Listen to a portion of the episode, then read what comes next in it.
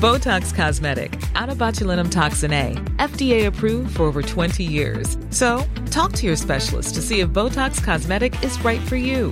For full prescribing information, including boxed warning, visit BotoxCosmetic.com or call 877-351-0300. Remember to ask for Botox Cosmetic by name.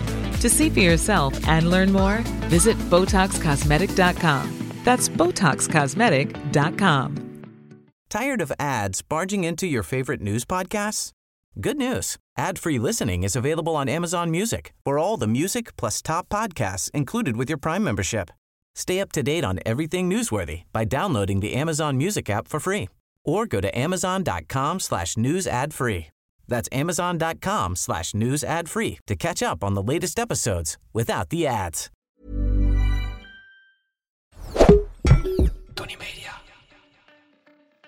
Vandaag in Schotschrift. U zou me kunnen kennen van 87 boeken, mijn haat voor rechtsbenige voetballers en mijn afschuw om ooit nog het woord beffen te gebruiken. Herman Brusselmans.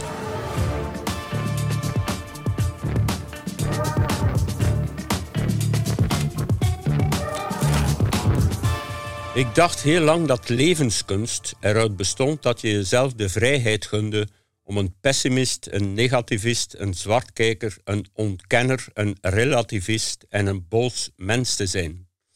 Er was werkelijk niks wat me aanstond en alles wat verkeerd ging, ging in mijn ogen terecht verkeerd. Natuurlijk zou er een oorlog in Oekraïne komen.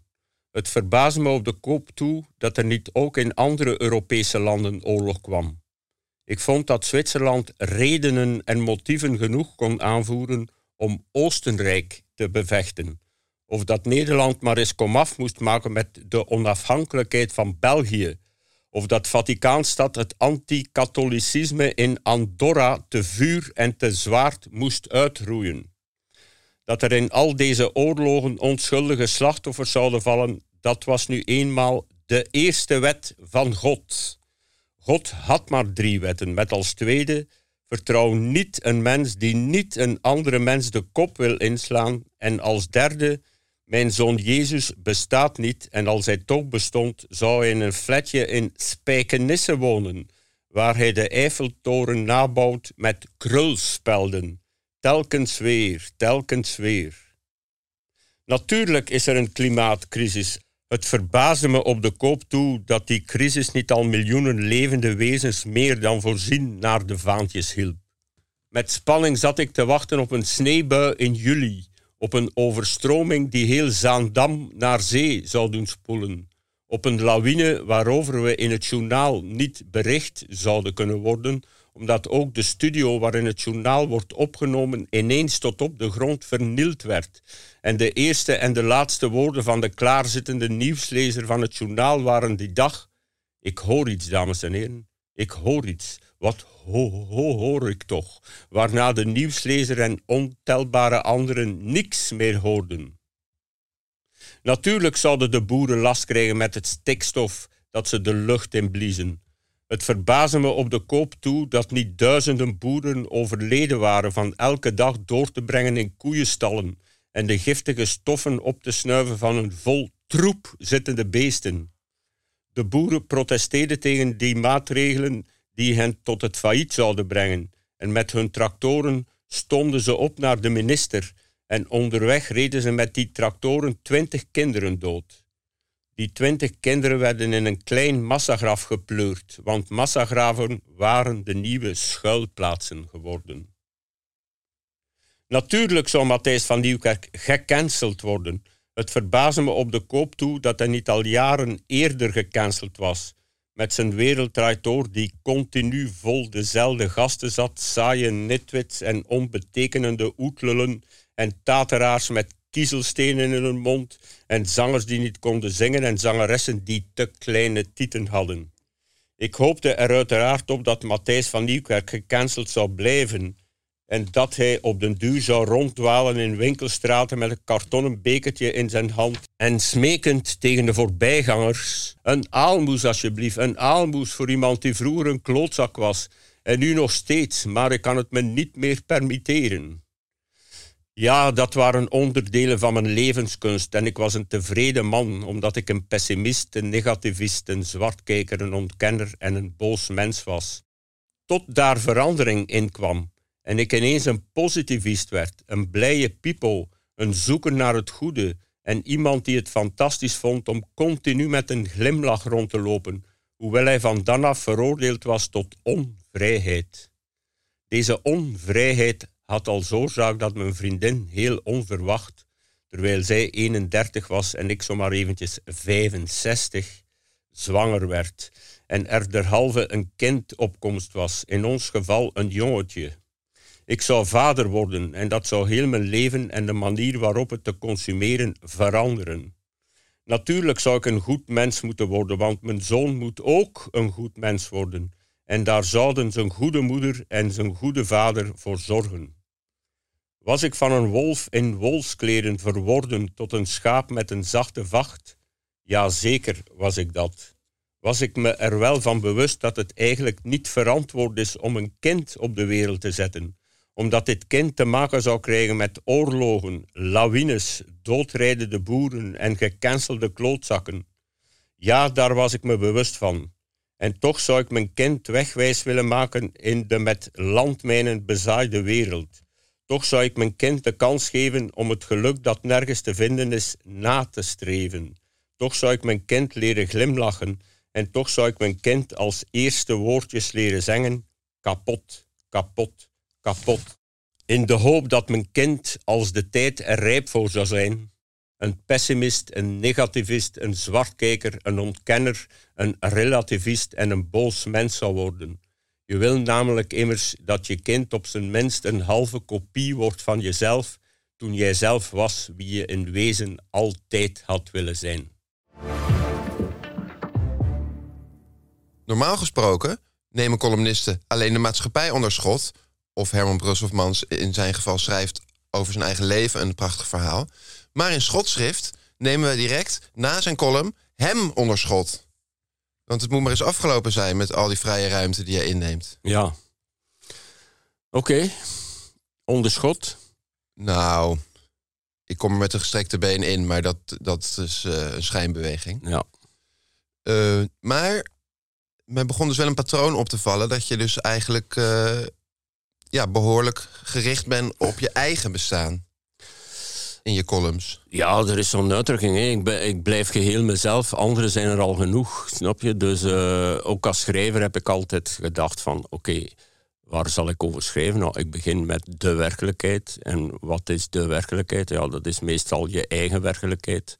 Je eigen persoon, je eigen omgeving, je eigen vriend, je eigen kennis, je eigen gedachten, je eigen ideeën. Je wordt vaak als een, als een zonderling figuur getypeerd, met mhm. alle respect. Is het dan geen wonder dat je een enorm publiek gevonden hebt? Die dan dus geïnteresseerd is ja, in... maar een enorm publiek zou ik niet zeggen hoor. Ik, ik, ik ben niet ik ben niet de meest populaire figuur van Vlaanderen of Nederland. In die zin dat ik niet de meeste bewonderaars heb of noem maar op. Maar laten we zeggen dat, dat ik uh, voor sommige mensen een beetje inderdaad een rare snijboon ben. En dat dat uh, dan wel eens opvalt en dat ze dat tegen elkaar vertellen. Ja, moet je eens naar die figuur kijken of moet je daar eens een boek van lezen. En dan krijg je in de loop van 40 jaar in mijn geval wel een, een bepaald publiek op, opgebouwd. Ja als ik je zo hoor spreken, heb je daar een heel gemengd gevoel bij? Uh, ja, nee, ik, wil, ik, wil, ik heb altijd zoveel mogelijk uh, publiek gewild. Hè. Je schrijft een boek en je wil dat dat verkocht wordt, want het is uh, je broodwinning. je wil zoveel mogelijk columns schrijven of schrijven voor bladen en kranten en, en podcasts enzovoort. Maar ik heb, ik heb dat altijd wel gewild, maar niet wat erbij hoort. Weet je wel, dat soort inderdaad dat gedoe van. Uh, uh, is, je, is, is je vriendin al zwanger? Uh, hoe heet je hond? wanneer ga je sterven? enzovoort. Al die, die kanttekening vragen, die interesseren me eigenlijk niet veel. Wat, wat me trouwens laatst ook, wat ik laatst ook opving, heb ik me niet heel goed voorbereid, want ik ben de titel van dat boek vergeten. Is dat ik dus meermaals mensen onafhankelijk van elkaar heb horen zeggen van heb je het uh, gehoord? Herman Brusselmans heeft nu echt een goed boek geschreven. met serieuze thema's en emotie. Dat boek heet T77, T-H-E-E-T. Dat is uh, de straatnaam en het straatnummer van het huis waar ik geboren ben. In Hamme, hè, op het uh, Oost-Vlaamse platteland. En ik kondig dat boek al heel lang aan. Eigenlijk van in het begin, van toen ik 24 was, zei ik al... ooit zal ik de grote roman over mijn jeugd schrijven. En uh, dan zei ik van ooit wordt dat mijn laatste boek. En uh, ik heb het tussendoor, zoals ieder ander boek, heb ik het geschreven. Maar net omdat ik het zo lang had aangekondigd, uh, werd dat een beetje een self-fulfilling prophecy. Mm. Gingen mensen eigenlijk voor ze het gelezen hadden al zeggen: Ja, ja hoor, dit is een beste boek. Want dat, dat zei hij twintig jaar geleden al dat hij dat ging schrijven. Terwijl dit boek is gewoon een boek in, in de. Ik, ik ben er zelf wel tevreden over. Maar die ineens kreeg ik dan na jaren geen enkele recensie te hebben gekregen, kreeg ik dan wel positieve recensies in de NRC, de Volkskrant, de Morgen enzovoort. En gaat het boek ook veel beter verkopen. En waarom dat precies zo is, ja, het is eigenlijk wel een raadsel. Ja, het is, maar je staat bekend, uh, als ik je zo mag typeren, als iemand die wel een heel sterke satirische inslag heeft. Dus, maar je, je relativeert het net, misschien ook terecht, maar je bent wel een, een, bekend figuur. Mensen kennen wel je stijl. Best veel mensen hebben toch wel in ieder geval een boek of een paar columns van je gelezen. Ja. Dus misschien is het ook wel begrijpelijk dat mensen dan toch denken van... nou, ik ben eigenlijk toch wel hartstikke benieuwd om eens een keer iets minder ironie, iets meer te weten te komen. Ja, maar dit boek T77 is, is niet, niet helemaal anders dan mijn andere mhm. boeken. Uh, men zegt, Ook niet omdat het iets waarachtiger is, wellicht? Er zit, het is zoals in al mijn boeken, er zit een kern van waarheid in. Mijn vader, mijn moeder, mijn broer, mijn mm. zus, de veehandel van mijn vader, Hamme in Oost-Vlaanderen. Die en die figuur, die hebben allemaal bestaan. Maar omdat ik dat boek over mijn jeugd heb geschreven aan de hand van mijn herinneringen, mm. want de meeste getuigen zijn dood. Ja. Kun je niet vragen hoe was het in de jaren 60, die zijn overleden.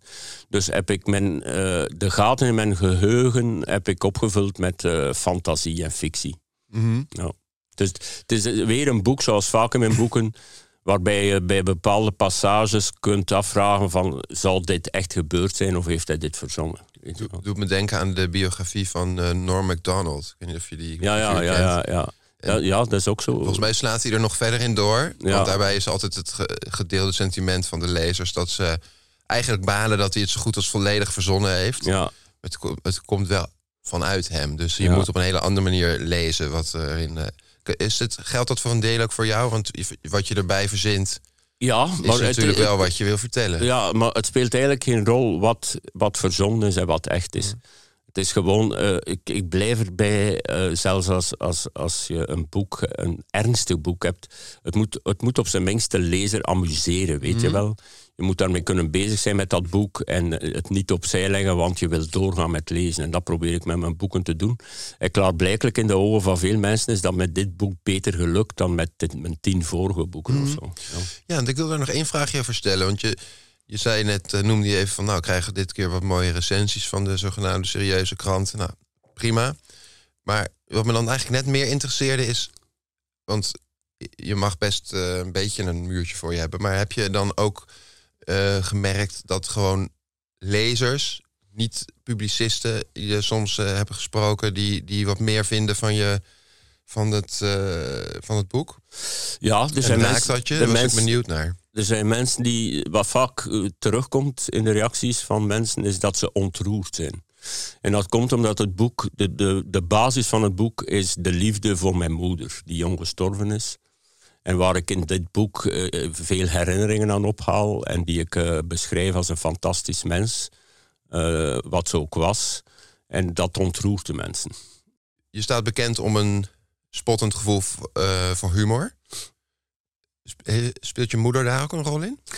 Was mijn moeder had zeker gevoel voor humor. En haar vader, dus mijn grootvader, was een paardenhandelaar. Die, ik zal niet zeggen dat hij quasi analfabeet was, maar hij had zeker nooit van zijn leven een boek uh, gelezen.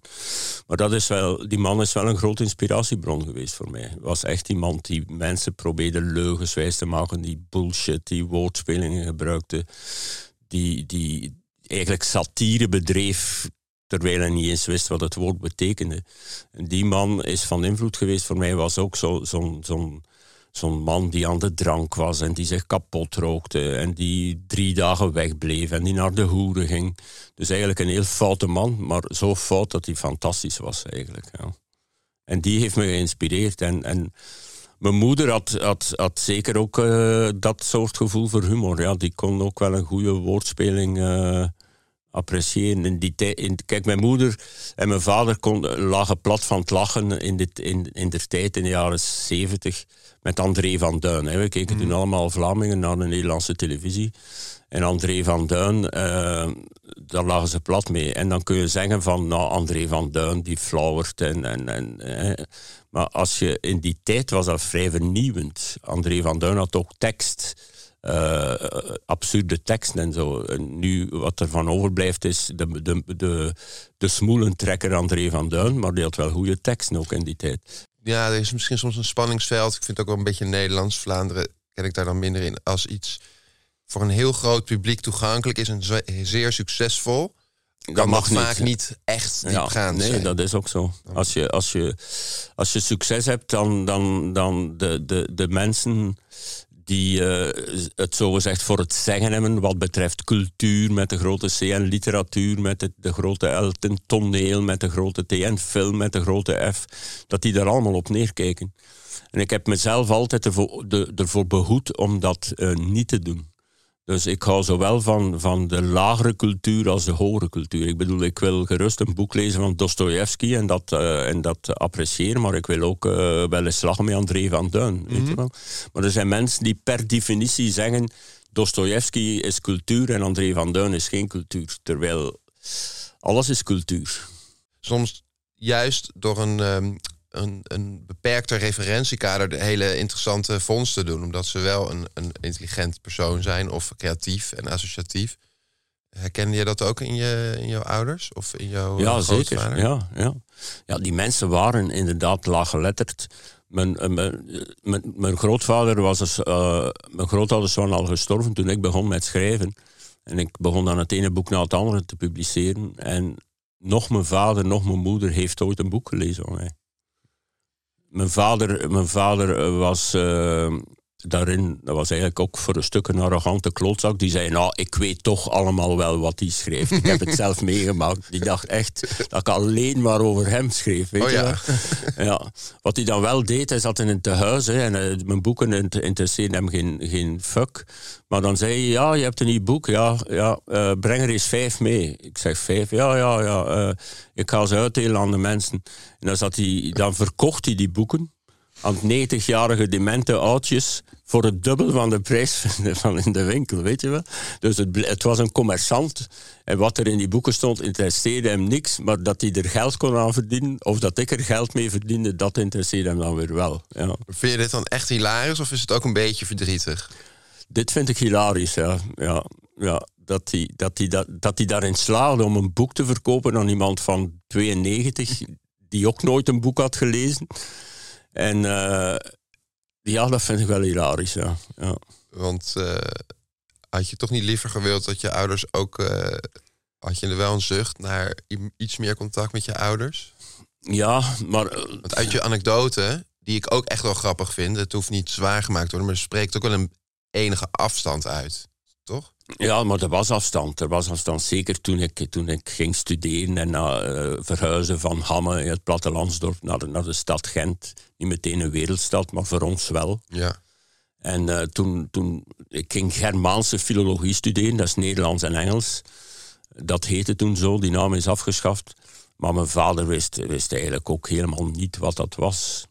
Die zei, wat studeer je nu? Germaanse filologie. Ah ja, oké dan. Weet je of dat wiskunde was, of natuurkunde, of taalkennis, dat, dat interesseerde hem. Het interesseerde hem wel dat ik geslaagd was elk jaar. Oh ja. Want dan kon je misschien later een, een leuke baan hebben als leraar, weet je wel. Oh ja. Maar, uh, en toen ik dan zei van, uh, ik, ik heb eerst vijf jaar in een bibliotheek gewerkt.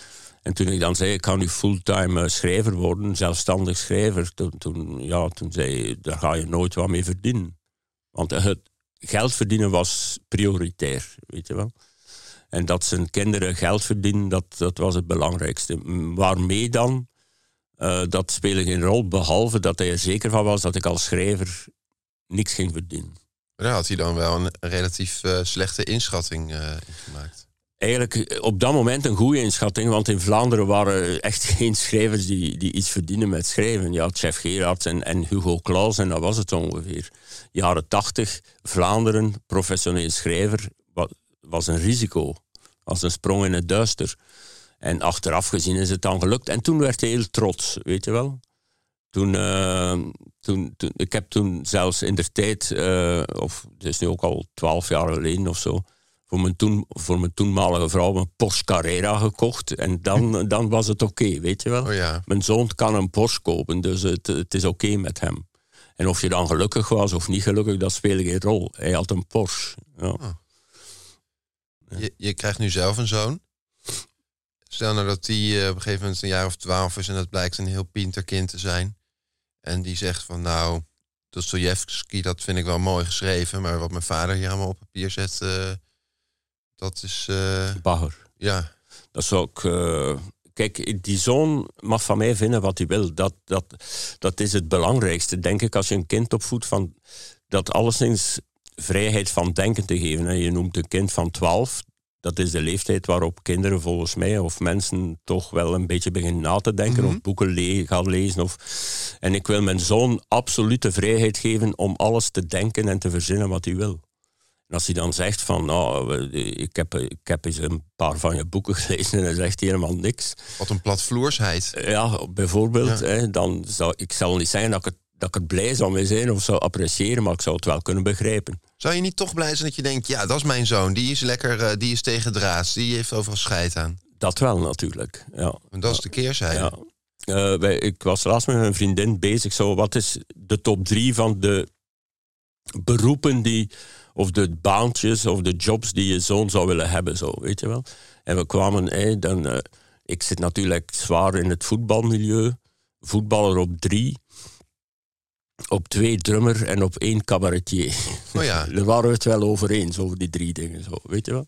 Ik, ik, ik zei, ja, ik twijfel toch een beetje of we, of we op één niet beter hartchirurg kunnen zetten. Zo, zo Vaak staat muzikant het hoogst. Hè? Dat is altijd het grote cliché, dat alle kunstschilders eigenlijk muzikus willen ja, zijn. Ja, ik ben ook zo'n mislukte muzikant, hè? mislukte drummer. En ik ga mijn drumstel staat werkloos in de woonkamer. Ik het zeker laten staan voor het geval als mijn zoon uh, graag wil drummen. Is een leuk gezicht, zo'n Ja, precies. Het, het, is een mooi meubel.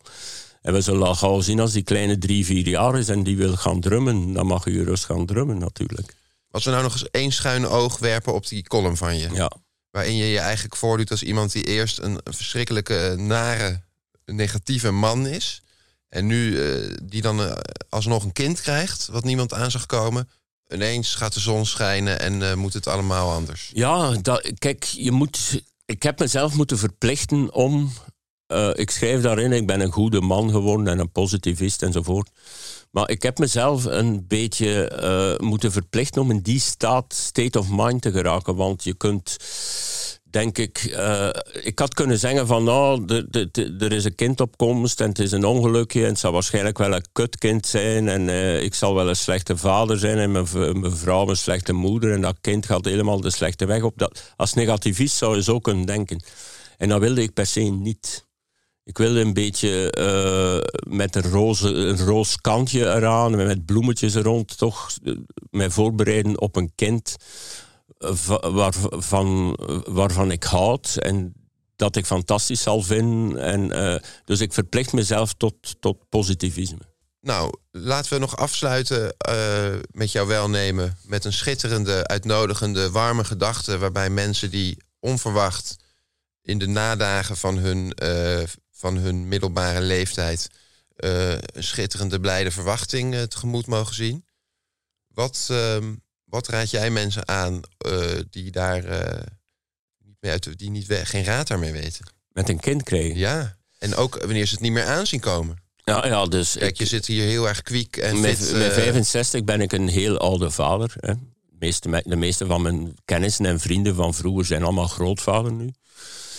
En ja, wat ik mensen. Er zijn niet veel mensen die nog een kind krijgen op hun 65. Dus het is ook niet voor het grote publiek dat ik het aanraad hè, om, om, om vader te worden op je 65ste. Dat is ook een mooi advies. Dat je zegt van joh, doe het ja niet. Nee, maar het, het, het, het probleem voor vele 65-jarigen is dat ze geen vrouw hebben van 31 die nog een kind kan krijgen, natuurlijk. Ja, ja, ook- Eh, heb je, ben je 65 en heb je een vrouw van 30 die graag een kind wil? Ja, het kind is er nog niet bij mij, dus ik kan ook niet een heleboel goede raad geven.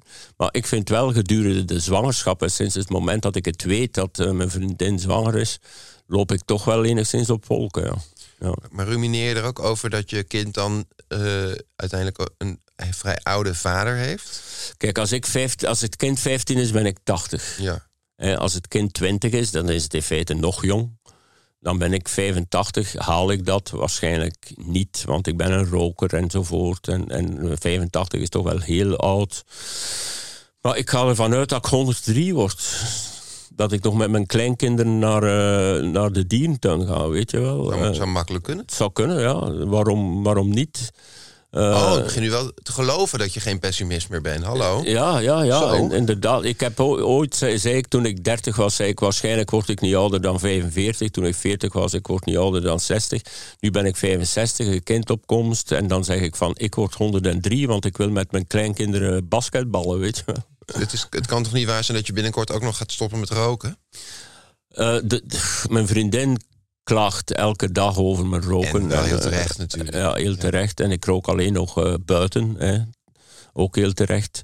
Maar ze had eerst was ze natuurlijk gewoon aan het zeiken, maar nu, nu jullie Nu een heeft kind gelijk, verwachten, nu heeft ze heeft ze gelijk natuurlijk. Ja, ja, dus eh, het- de kans zit er.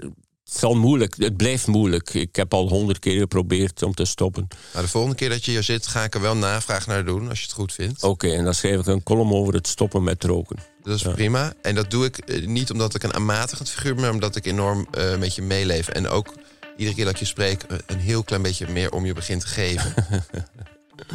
Herman, ik vond het eh, een mooi gesprek. Ja, dankjewel. Dank ik je dat je wat, wat, eh, ja, wat privé-zaken wilde vertellen. Graag. Of, waar, je- wat je daarover voelt. Vooral. Graag. En hopelijk eh, tot de volgende keer. Tot de volgende keer, Willem. Dankjewel. Bedankt.